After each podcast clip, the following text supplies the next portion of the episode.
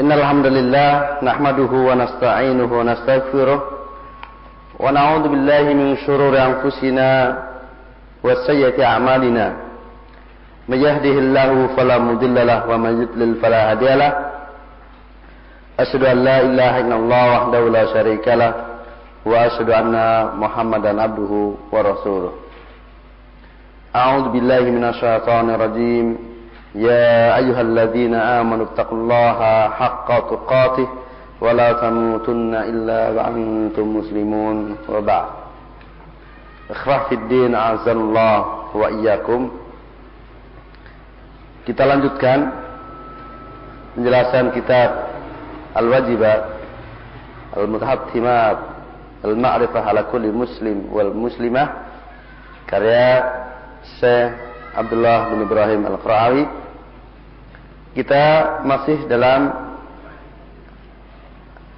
adilah dari syarat-syarat la ilaha illallah yang mana sudah kita ketahui bahwasanya yang namanya syarat la ilallah karena dia merupakan syarat maka apabila dia tidak ada maka tidak sah ucapan la ilallahnya tidak berguna baginya fil akhirah walaupun terkadang berguna baginya di dunia sebagaimana ucapan la ilallah yang dilakukan oleh munafikin. Dengan ucapan mereka la ilaha illallah walaupun tidak memenuhi syarat-syarat berguna bagi mereka untuk kehidupan mereka di dunia. Dalam artian dianggap sah keislamannya. Secara zahir. Adapun hakikatnya maka mereka adalah kufar indallah. Bahkan kedudukan mereka lebih jelek dibandingkan orang kafir yang asli yang tidak mengucapkan syahadatain.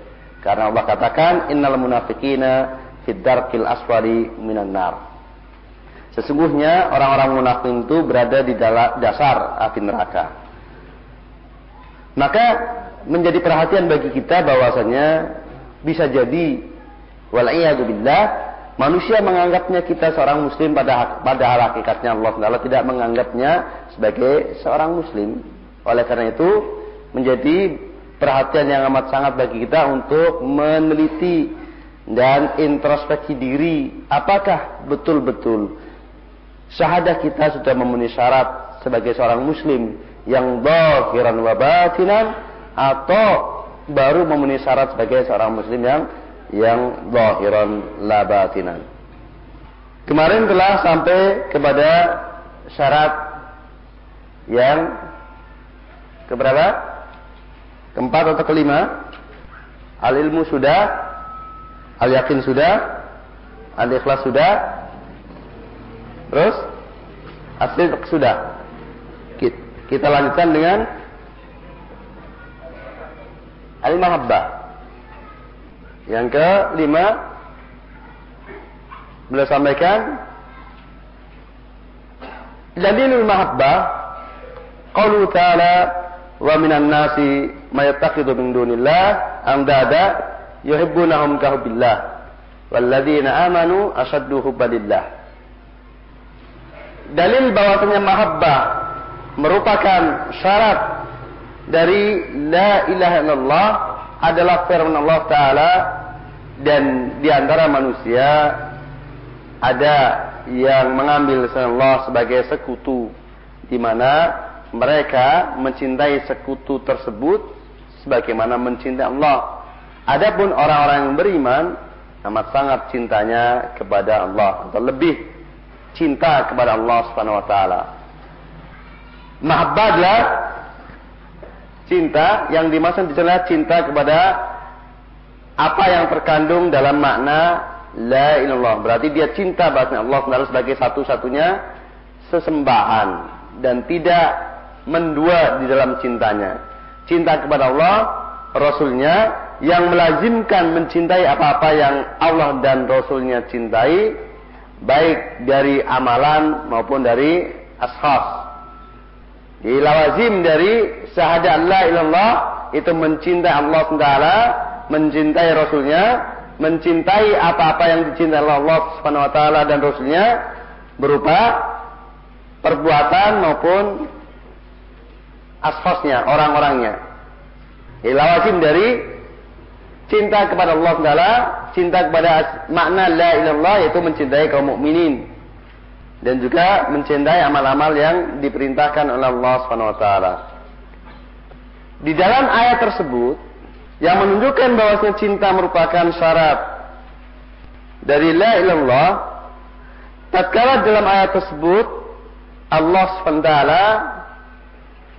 mengumpulkan orang-orang yang di samping mencintai Allah juga mencintai Allah yang tidak mengikhlaskan cintanya kepada Allah Subhanahu wa taala tidak termasuk dari kalangan kaum mukminin. Artinya dia masih tetap kafir. Masih tetap kafir. Bukan mukminin. Kita lihat dari mana itu? Allah katakan wa minan nas dan di antara manusia. Siapa manusia tersebut? Itu yang mengambil selain Allah sebagai sekutu bagi Allah yang mana mereka mencintai sekutu tersebut sebagaimana mencintai Allah. Mana buktinya kalau orang tersebut bukan mukminin? Tapi Allah katakan walladzina amanu. Adapun orang-orang yang beriman. Maka wa minan nas tadi mukminan atau bukan? Wa minan nas tadi bukan mukminin. Karena Allah katakan sesungguhnya walladzina amanu. Adapun orang-orang yang yang beriman. Maka yang mencintai selain Allah Taala sebagaimana mencintai Allah Taala, maka bukan mukminin. Itu yang mensekutukan cinta untuk Allah, apalagi yang tidak mencintai Allah sama sama sekali. Dan di sini juga Allah katakan amanu asaddu balillah. Dan orang-orang yang beriman mereka lebih besar cintanya kepada Allah SWT. Menunjukkan bahwasanya orang yang beriman adalah orang yang mencintai Allah SWT. Adapun yang tidak mencintai Allah Taala bukanlah orang-orang yang beriman. Maka orang yang mengucapkan syahadat la ilallah tapi tidak mencintai makna yang terkandung dalam syahadat tersebut, maka dia tidak sah persaksiannya. Ikhwafidin azanullah wa iyyakum. Ulama tafsir pada firman Allah kahubillah yuhibbunahum kahubillah mereka mencintai mereka sebagaimana mencintai Allah. Mereka mencintai seman mereka sebagaimana mencintai Allah. Di sini ada dua penafsiran. Jadi, kahubila di sini ya, ada dua penafsiran. Yang pertama, yuhibbunahum ka yuhibbunallah. Jadi, mereka mencintai sembahan itu sebagaimana mereka mencintai Allah. Jadi orang tadi mencintai Anda sekutu-sekutu selain Allah ini itu sebagaimana mereka juga mencintai Allah. Mana yang kedua, mereka yuhibbunahum kahubbil mu'minina lillah. Mereka mencintai al-andat tersebut seperti cintanya kaum mukminin kepada Allah Subhanahu wa taala. Dan makna yang pertama lebih zahir. Apakah perbedaannya? Kalau yang makna yang pertama, maka mereka di samping mencintai Allah juga mencintai selain Allah. Kalau yang kedua, tidak ada di situ apa?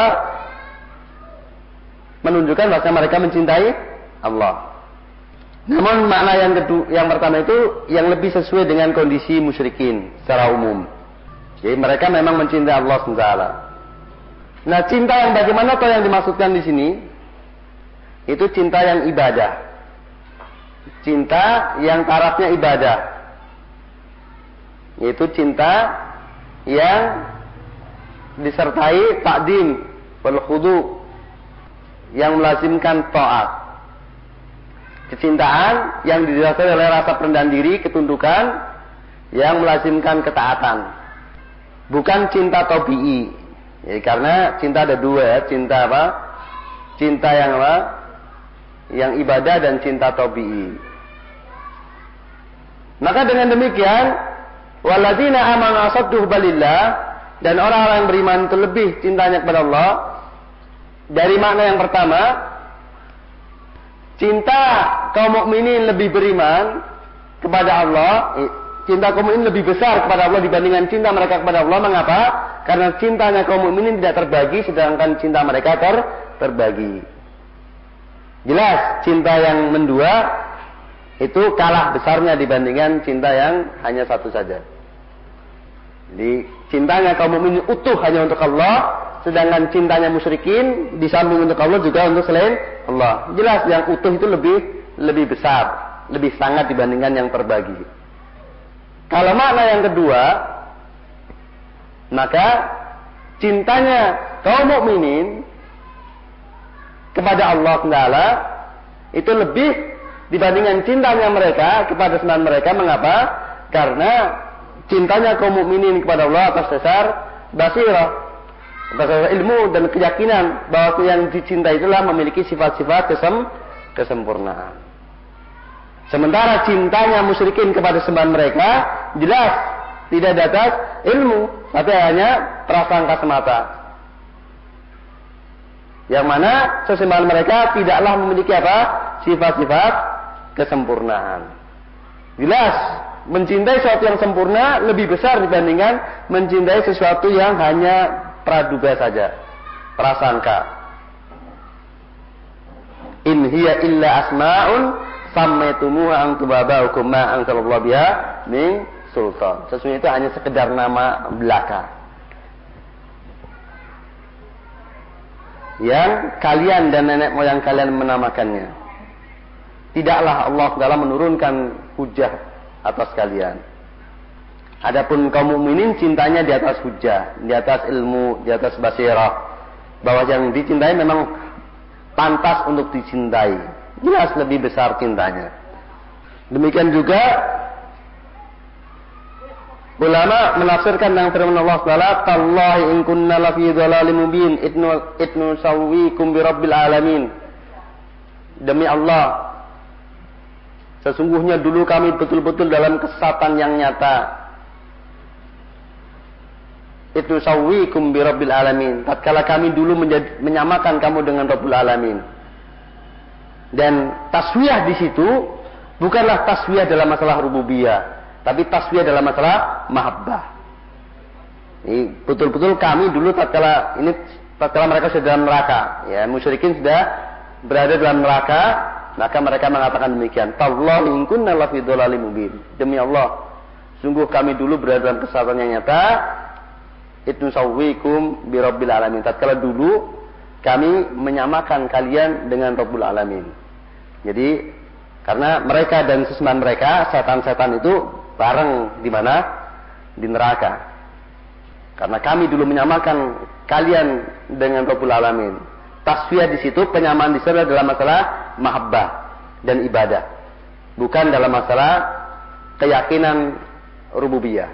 Jadi untuk diketahui bahwasanya iman kalau dia sendirian termasuk dalamnya al-Islam. Ini termasuk alfat yang idastama iftaraqa wa idaftaraqa istama. Ya ayyuhalladzina amanu kutiba alaikumus syiyam. Orang-orang munafik wajib siam atau tidak? Walaupun mereka munafikin tetap wajib berpuasa. Padahal mereka bukan mukminin. Mukmin atau bukan? Bukan. Jadi lafaz iman kalau berdiri sendiri maka termasuk dalamnya al-Islam. Dan hakikatnya tidak muslim maksudnya tidak tidak mukmin memang di sini. Jadi la ilallah tatkala tidak terpenuhi syaratnya dia tidak muslim indallah. Tidak muslim indallah artinya tidak tidak mukmin, tidak beriman. Kemudian ayat berikutnya firman Allah Subhanahu wa taala Ya ayyuhalladzina amanu may yartadda minkum an dinihi fasawfa ya'tillahu biqaumin yuhibbuhum wa yuhibbuna. Adilatin 'alal mu'minina aizzatin alal kafirin. Yujahiduna fi sabilillah wa la yakhafuna laumata lain wahai orang-orang beriman barang siapa yang murtad di antara kalian dari agama kali dari agamanya maka Allah kelak mengganti sebuah kaum yang Allah mencintai mereka dan mereka pun mencintai Allah. Mereka lemah lembut kepada kaum mukminin dan keras kepada orang-orang kafir. Mereka berjihad di jalan Allah Subhanahu wa taala. Lemah lembut pada kaum mukmin, keras pada orang kafir dan jihad fisabil di jihad dan Allah ini adalah muktado atau konsekuensi dari kecintaan mereka kepada kepada Allah. Jadi tatkala mereka cinta kepada Allah, maka mereka kemudian lemah lembut kepada kaum mukminin karena kaum mukminin adalah orang-orang yang dicinta Allah. Mereka keras kepada orang kafir karena orang kafir adalah dibenci Allah. Allah. Mereka berjihad di jalan Allah karena jihad fisabilillah lah perkara yang dicintai oleh Allah Taala. Jadi ini merupakan muktado dari kecintaan mereka kepada Allah SWT. Nah, syahidnya di sini tatkala Allah katakan wa yuhibbuna dan mereka mencintai Allah Taala. Dari mana? Kalau dari apa ayat ini kita lihat barang siapa yang murtad dari agamanya. Murtad, ya, artinya dia apa? Bukan Islam lagi, bukan mukmin lagi. Dia murtad dari agamanya. Kemudian Allah akan mengganti sebuah kaum yang murtad atau yang mukmin, ya, yang mukmin. Yang bagaimana orang mukmin tersebut? Yang mencintai Allah. Berarti yang murtad tadi yang tidak mencintai Allah. Karena kalau yang diganti sama dengan yang sebelumnya bukan mengganti namanya. Jadi kaum yang diganti yang telah murtad itu karena mereka tidak apa? Tidak mencintai Allah Taala. Maka Allah akan mengganti dengan sebuah kaum yang mereka mukminin, yang tidak murtad, yaitu yang mencintai Allah SWT. Wa min sunnah masa bata fi sahih an Anas radhiyallahu qala Rasulullah sallallahu alaihi wasallam salatun man kunna fihi wajada bihinna. Alawatal iman. Ayakuna Allah wa rasuluhu ahabba ilayhi mimma siwahuma wa yuhibbal mar'a la yuhibbuhu illa lillah wa yaqra ayauda fil kufri ba'da id Allah minhu kama yaqra'u ayudafa finnar. Rasulullah sallallahu alaihi wasallam bersabda dalam hadis sahih dari sahabat Anas bin Malik radhiyallahu dalam Sahih Bukhari Muslim ya. Beliau bersabda, tiga hal barang siapa ketiganya ada padanya, maka dia mendapatkan lezatnya iman, yaitu Allah dan Rasulnya lebih dia cintai. Dan dia mencintai seseorang tidaklah dia mencintai kecuali karena Allah. Dan dia benci untuk dikembalikan ke dalam kekafiran. Setelah Allah selamatkan dia darinya sebagaimana dia benci untuk di lemparkan ke dalam api. Nah, hadis ini menunjukkan apabila ketiga-tiganya tidak ada sama sekali, itu menunjukkan dinafikannya darinya al-iman. Karena hanya akan mendapatkan al-iman, lezatnya iman kalau dia ada padanya ketiga hal tersebut. Dan sesuai dengan besar kecilnya kadar ketiga permasalahan tersebut, itulah besar kecilnya kadar iman yang dia rasakan. Dan apabila ketiganya seluruhnya tidak ada sama sekali, tidak sedikit pun, maka dia tidak ada iman sama sekali juga. Maka dengan demikian berarti mahabbah merupakan syarat diterimanya keimanan. Eh, syarat terimanya syahadat la ilaha illallah. Dan untuk yang ketiga, ini tentunya khusus bagi yang pernah kafir. Jadi satu dua itu seluruh orang yang mukmin harus memiliki demikian. Yang ketiga mukmin yang pernah pernah kafir. Karena lafadznya wayak rohu ayauda fil kufri dan dia benci untuk kembali kepada kekafiran. Orang yang tidak pernah kafir ya tidak pernah merasakan. Tidak bisa dikatakan kembali kepada kafiran. Dan ini karena apa? Jelas sebagian para sahabat dulu adalah asalnya adalah di antaranya mereka adalah orang-orang orang-orang kafir. Itu dalil tentang syarat sartiah mahabbah. Selanjutnya, jadi yang jelas iman itu memang ada rasanya. Kalau dia tidak merasakan iman, berarti memang tidak ada. Kalau ada dalam dirinya iman, maka dia rasakan. Dan iman rasanya manis. Dan semakin besar, dia akan semakin merasakan apa? Kentaranya manisnya tersebut. Semakin kecil ya dia merasakan apa? Kecilnya rasa tersebut. Yang jelas selama dia masih ada iman maka dia merasakan ada ada rasanya. Kalau tidak tidak ada rasanya sama sekali berarti memang tidak tidak ada. Bahkan manis sesuatu yang paling manis adalah al iman. Sehingga jangan coba-coba untuk mengganti ya, dengan sesuatu bagi orang yang sudah apa? sudah betul-betul merasakan manisnya iman. Jangan coba-coba. Tidak akan ada yang bisa menggantikannya. Karena apa? Kemanisan apa pun tidak akan lebih apa? Manisnya al-iman. Nah siapa yes, yang memiliki kekuatan ya, minimal dalam dua hal ini? Ya. Kalau dia tidak pernah kafir. Selanjutnya, wadalilul inqiyat lima dalat alaihi qalu ta'ala wa anibu ila rabbikum waslimulah. Dalil tentang inqiyat tunduk terhadap apa yang ditunjukkan oleh kalimat la ilaha illallah adalah firman Allah Ta'ala wa anibu ila rabbikum waslimulah. Kembalilah kepada Rabb kalian dan berserah dirilah kepadanya. Sahihnya pada wa aslimulah. Apa itu al-Islam?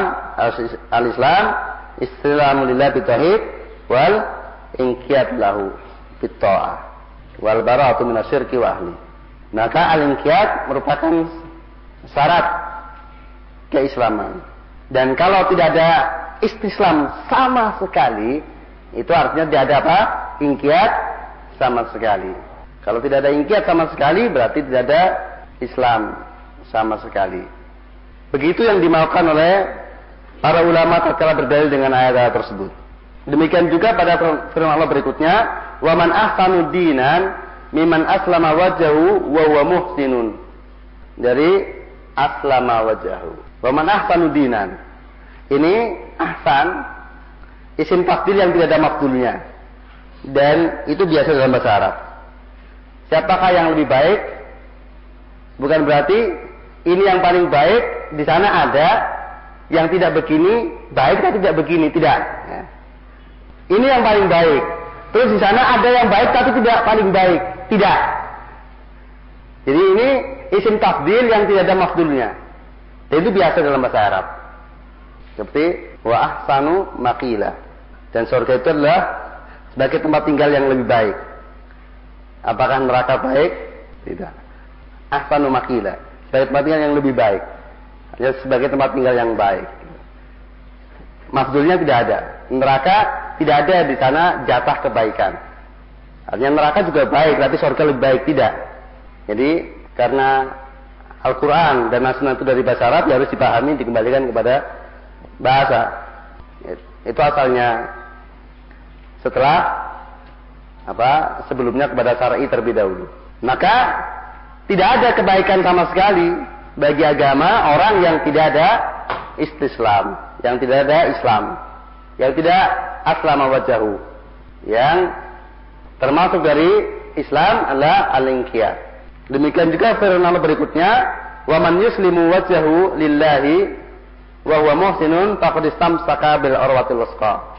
Dan barang siapa yang istislam wajahnya, mengislamkan wajahnya kepada Allah Taala sementara dia seorang yang muhsin, maka sungguh dia telah berpegang teguh dengan al-urwatul wuthqa. Al-urwatul wuthqa adalah la ilaha illallah.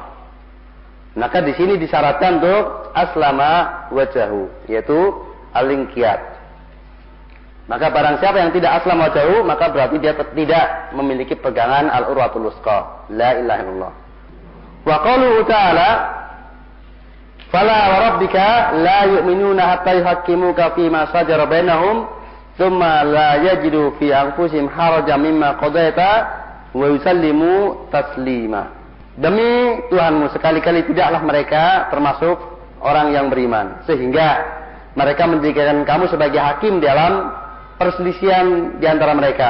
Kemudian tidak mereka dapat di dalam jiwa mereka keberatan terhadap apa yang kamu putuskan dan mereka tunduk dengan sebenar-benar tunduk. Wa taslima. Nah, di sini wa yusallimu taslima sebagai persyaratan untuk mereka terlepas dari apa? Dari dinafikannya iman. Demi Tuhan Muslim tidaklah mereka termasuk mukminin. Maka kalau istislam tidak ada, maka ya tidak tercapai. Karena batasannya sehingga mereka limu taslima terhadap apa-apa yang ditentukan oleh Rasulullah Muhammad Sallallahu Alaihi Wasallam. Maka ingkiat tunduk kepada perintah Allah Taala melalui lisan Rasulnya Sallallahu Alaihi Wasallam itu termasuk syarat diterimanya al iman. Kemudian wa sunnah Qalu sallallahu alaihi wasallam la yu'minu ahadukum hatta yakuna hawahu taban lima ji'tu bih. Huwa tamamul inqiyad wa. Dan dalam sunnah sabda Nabi sallallahu alaihi wasallam tidaklah beriman salah seorang di antara kalian sehingga hawa nafsunya mengikuti apa yang aku datang dengannya. Dan inilah kesempurnaan ingkiat dan puncaknya. Hadis ini diriwayatkan oleh Imam Tabrani. Sebagian ulama mendhaifkan hadis tersebut. Seperti Nurajab. Namun secara makna sahih.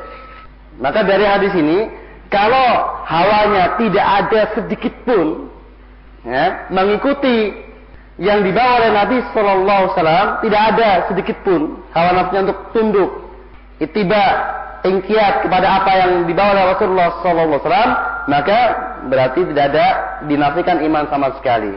Tapi kalau di sana sudah ada itiba yang memenuhi persyaratan untuk dikatakan mukmin, walaupun tidak sempurna, maka artinya menjadi apa? Tidak sempurna iman kalian sehingga hawa nafsunya sempurna dalam mengikuti apa yang aku bawa.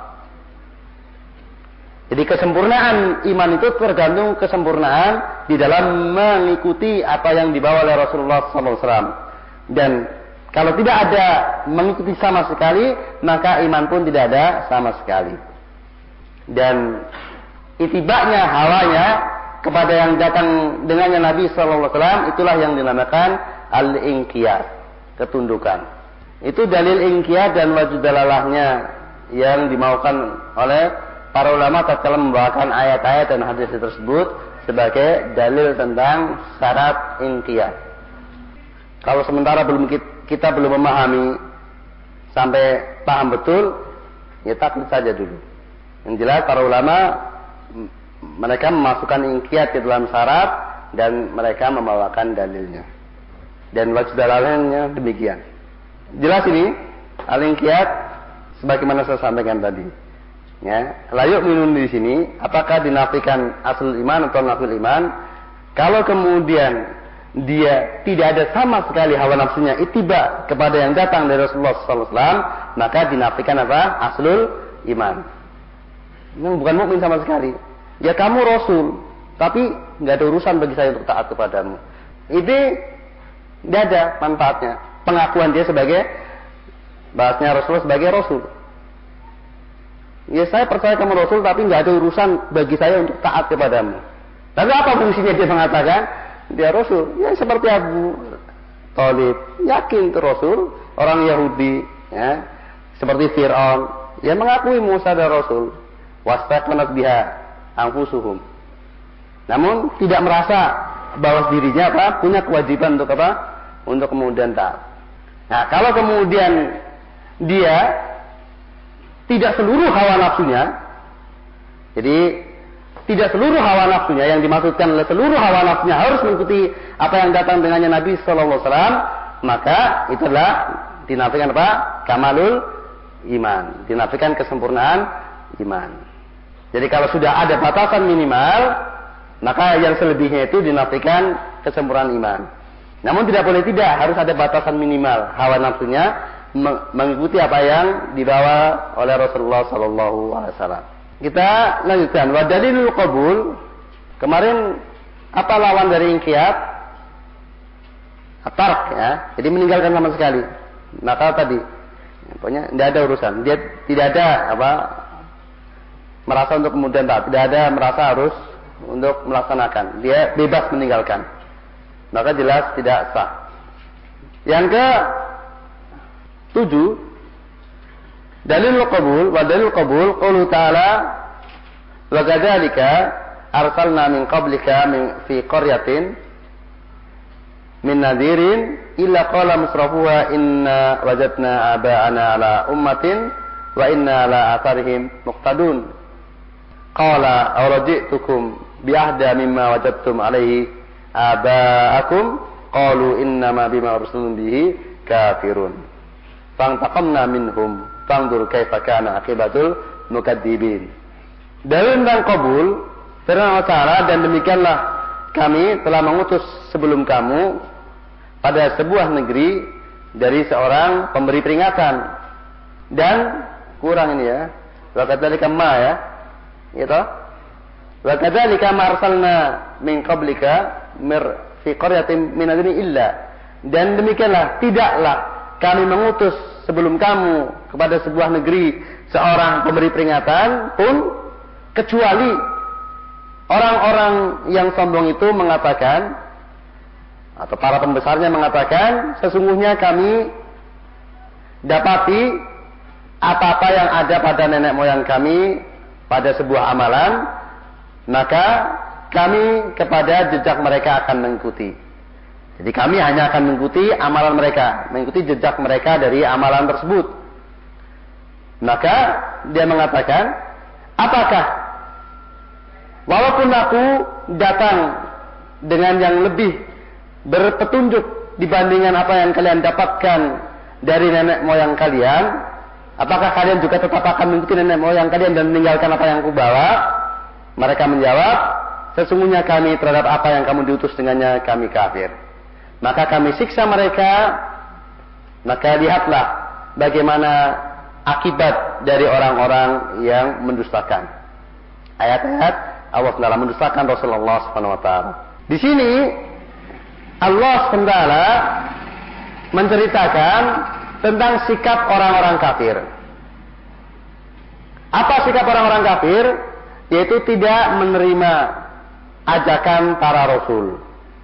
Nah, karena mereka tidak menerima ajakan tersebut, mereka dikatakan kafir. Dengan demikian, menjadi syarat orang sah keimanannya, sah keislamannya, indah Allah, kalau ada di dalam hatinya sikap menerima al-qabul yang meninggalkan sifat roh, menolak. Nah, orang-orang kafir itu menolak. Inna bima ursil tu bi kafirun. Sebenarnya kami terhadap apa yang kamu diutus dengannya kafirun. Kami menolaknya. Kami mengingkarinya. Maka penolakan kepada apa yang dibawa oleh Rasul itu merupakan kekafiran. Hanya tidak sah. Kalaupun orang mengucapkannya dengan sementara hatinya menolak, maka tidak sah. Ini biahda mimma wajadtum alaihi biahda yang lebih berpetunjuk ini sama tadi ya. Dengan apa? Ahsan. Ini ahda yang tidak ada makdulnya. Yang berhidayah. Yang apa adapun apa yang kalian dapatkan dari nenek moyang kalian itu tidak ada hidayahnya sama sekali. Jadi bukan berarti apa yang mereka dapatkan dari nenek moyang juga itu petunjuk tapi punya Rasul ini lebih berpetunjuk tidak. Ini harus kita harus sering-sering waspada ya di dalam memahami sebuah sebuah ayat. Jadi jangan diambil letterlek seperti dalam bahasa Indonesia. Bahkan kadang dalam bahasa Arab itu dua-duanya tidak ada. Seperti perkataan salaf, ahlifu billahi kadiban ahabbu ilayya min ahlifu billah bi sadiqah.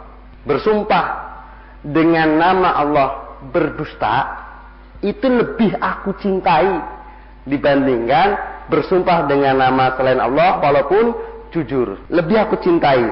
Tapi dua-duanya nggak ada yang dicintai.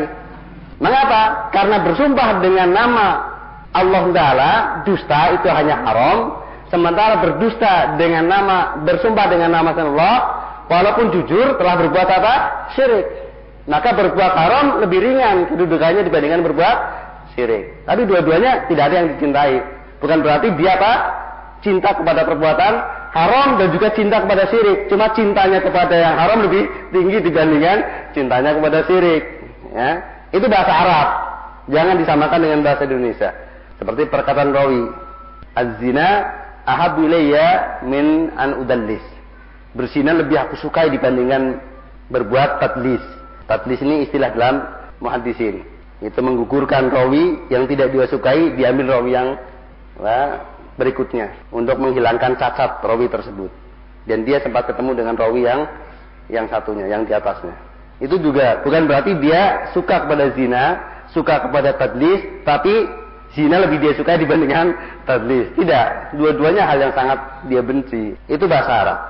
Kemudian wa minas sunnah wa qulu ta'ala dan juga firman Allah ta'ala innahum kanu idza qila lahum la ilaha yastakbirun wa yaquluna aina la tariku alihatan alihatina li syair majnun.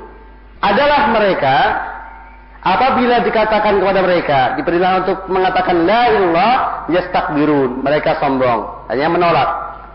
Batrul haq ya, sama menolak. Wa yaquluna dan mereka mengatakan a inna la tariku alihatina li syair majnun Apakah kita harus meninggalkan sembahan-sembahan kami untuk penyair gila ini? Jadi saitnya pada yastakbirun. Mereka sombong, eh batrul haq, menolak, tidak mau menerima. Maka al-qabul lawannya adalah arad. Wa minatuna maka batal fi sahih an Nabi Musa radhiyallahu an Nabi sallallahu alaihi wasallam qal ma ba'atana Allahu bihi من الهدى والعلم كمثل الغيث الكثير أصاب أرضا فكان منها نقية. قبلت الماء فأنبتت الكلاء الكلاء والعشبة الكثيرة. وكانت منها أجادب أمسكت الماء فنفع الله بها الناس فشربوا وسقوا ورعوا wasaba minha ta'ifatan ukhra innama ya qi'an la tumsiki ma'an wa la tumbitu kalan fadzalika mathalu man faqiha fi dinillah wa nafa'u ma ba'athanallahu bihi fa'alima wa 'allama wa mathalu man lam yarfa' bidzalika ra'san wa lam yaqbal hudallah alladhi ursiltu bih.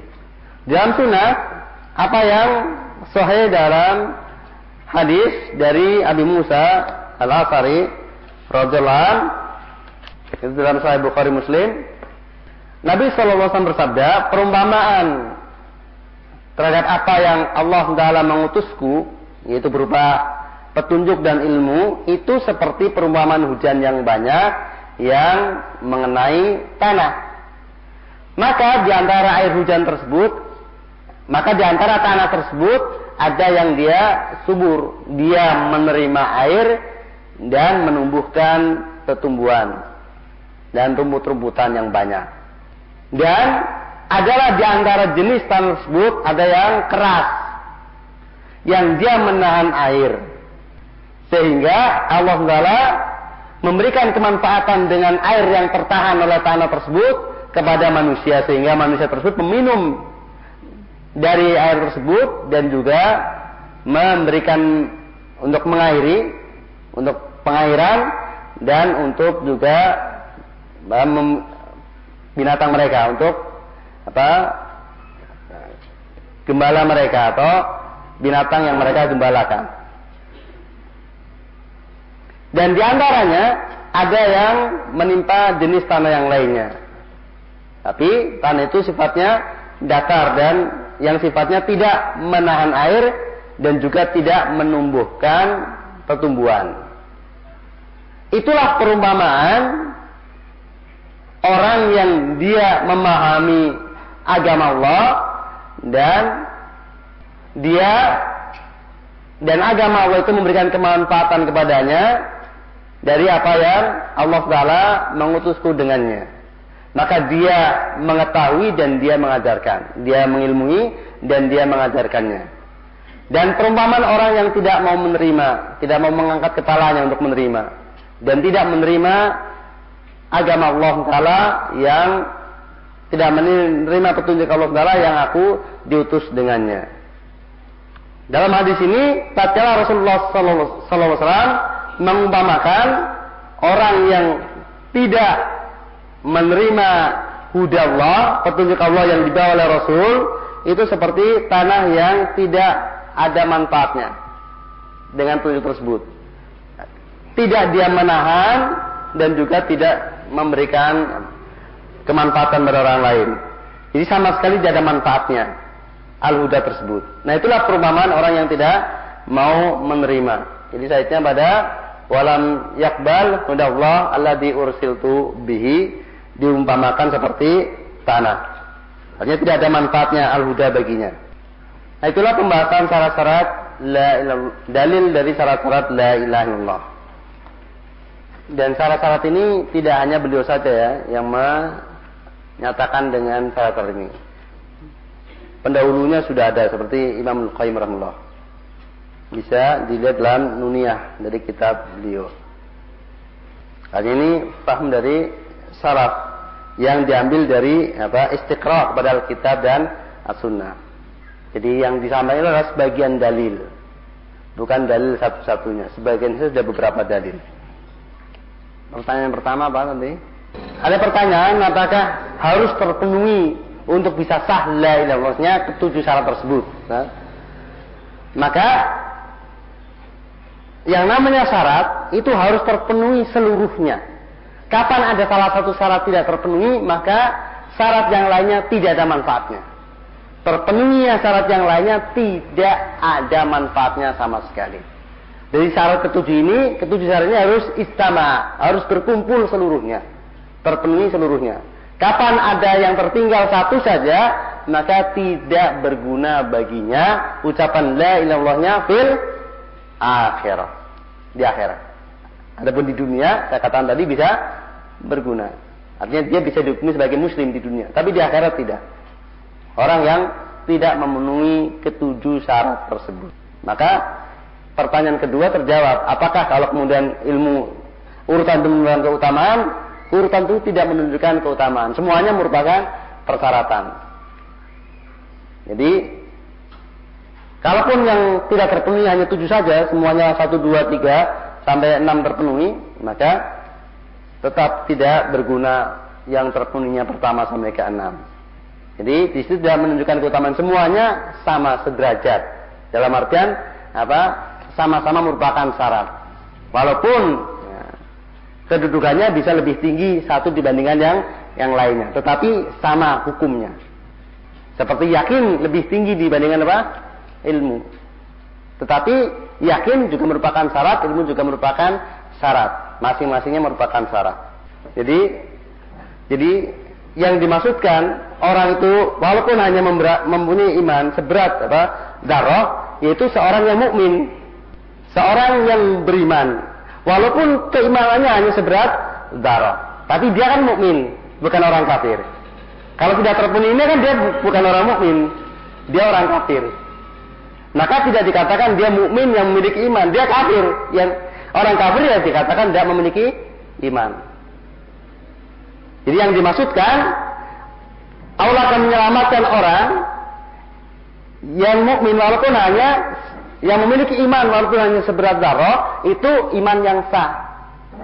Yang dengannya dia sah imannya, kemudian walaupun seberat darah, kalau dia seorang mukmin maka pasti dia akan keluar dari neraka. Jadi status dia adalah seorang mukmin, bukan orang kafir. Adapun yang tidak memenuhi syarat la ilallah, dia bukan orang mukmin tapi orang orang kafir.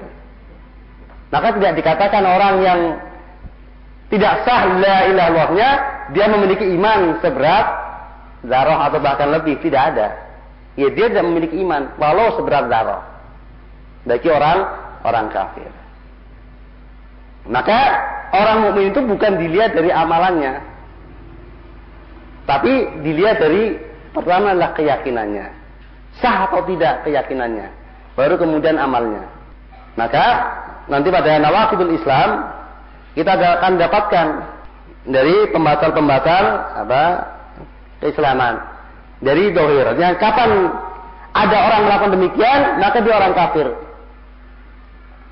Walaupun dia melakukan amal keislaman yang luar biasa, tapi kalau dia begitu, maka dia orang kafir. Dihukumi orang kafir. Asal memenuhi persyaratan ya, dan dia ada mawani. Jadi tidak dikatakan, lah kan dia sholat, berarti kan dia ada iman walau seberat darah. Kan dia puasa, berarti dia ada iman walau seberat darah. Ya tidak. Begitu dia sudah kafir, walaupun dia beribadah kepada Allah, namanya dia orang orang kafir. Orang kafir yang melakukan ibadah. Yang ibadahnya ada manfaatnya? Tidak. Tidak berguna. Wa qadimna gimana? Ilama amilu min amalin faja'alnahu haba'an mansura. Ya amalnya akan dihadapkan kemudian setelah itu kami jadikan apa? Haba'an mansura. Ini ada manfaatnya sama sekali. Min wujudihi al-wujud walal adam. Al-wujud walal adam. Nah. Artinya itu tarif tarif sari pensara. Lengkapnya waladam. Lihat ya, sesuatu yang mengharuskan tidak adanya, tidak adanya yang disarati dan adanya tidak mengharuskan, tidak ada dan juga tidak mengharuskan ada. Jadi tidak ada urusannya dengan ada tidaknya, kalaupun itu ada. Karena masih harus dilihat yang lainnya. Apakah bisa diartikan benci kepada kafiran atau murtad bagi orang yang tidak pernah kafir? Wallahualam, mungkin. Hanya saya pernah dapatkan dari Ansara yang ketiga itu untuk yang apa? Ayat roha, ayat dafa, ayat roha, ayat uda, kufri bada angkadahullah itu untuk yang pernah kafir. Kalau kemudian diartikan apa? Benci kepada murtad ya kepada apa? Karena lafaz ayauda fil kufri untuk kembali ke kafiran. Tidaklah dikatakan kembali kecuali dia pernah mengalaminya. Itu saja dari situnya. Adapun dengan benci kepada kekafiran ya. Wallah alam Ikhwafidin wa yakum Sebelum kita membahas tentang nawakidul Islam ada pertanyaan bagaimana penerapan sikap keras terhadap orang-orang kafir dalam muamalah keseharian. Benci jelas, tidak boleh tidak. Kita harus benci kepada orang kafir dan perbuatan kekafiran. Adapun secara zahir, maka ini kembalinya kepada masalah dan madara. Dan bagaimana batasannya Allah alam Sebelum kita berbicara tentang nawakidul Islam, saya sampaikan bahwa yang akan kita bicarakan besok insya Allah tentang nawakidul Islam yang dimaksudkan di adalah pembatal pembatal keislaman, maksudnya pembatal pembatal keislaman seorang. Karena Islam tidak pernah batal. Islam tidak pernah kemudian batal. Yang batal adalah keislaman seseorang. Yang akan kita bicarakan adalah perbuatan tersebut adalah perbuatan yang membatalkan keislaman atau perkataan tersebut adalah perkataan yang membatalkan keislaman. Artinya kita katakan perbuatan ini perbuatan kafir. Perkataan perkataan kafir. Adapun untuk inzal, untuk apa? menurunkan atau memfonis kepada orang yang melakukannya atau orang yang mengatakan perbuatan yang membatalkan keislaman tersebut, maka itu harus terpenuhi syarat-syarat dan tidak ada mawani. Tidak ada penghalang sama sekali. Untuk dikatakan dia sebagai orang yang telah batal Islamnya. Nah, mawani dari penghalang seseorang yang melakukan kekafiran atau mengatakan kekafiran sehingga dia tidak bisa dikatakan dia batal Islamnya yang paling dohir ada tiga di sini. Yang pertama adalah alikroh, yaitu dipaksa, pemaksaan. Maka seseorang yang dia mengatakan kata-kata kafir atau melakukan perbuatan kafir, padahal dia orang Muslim, asalnya maka tidak dikafirkan karena dipaksa. Yang kedua, ada sesuatu yang mempengaruhi akalnya sehingga dia melakukan sehingga dia melakukannya atau mengatakannya tanpa sadar. Seperti karena terlalu bergembiranya, atau terlalu takutnya menyebabkan dia mengatakan tanpa sadar atau berbuat tanpa sadar. Seperti hadis yang masyhur seseorang mengatakan karena saking senangnya mana Allahumma anta abdi eh, ya anta abdi wa rabbu saking gembiranya Ya Allah, engkau hambaku dan aku Tuhanmu.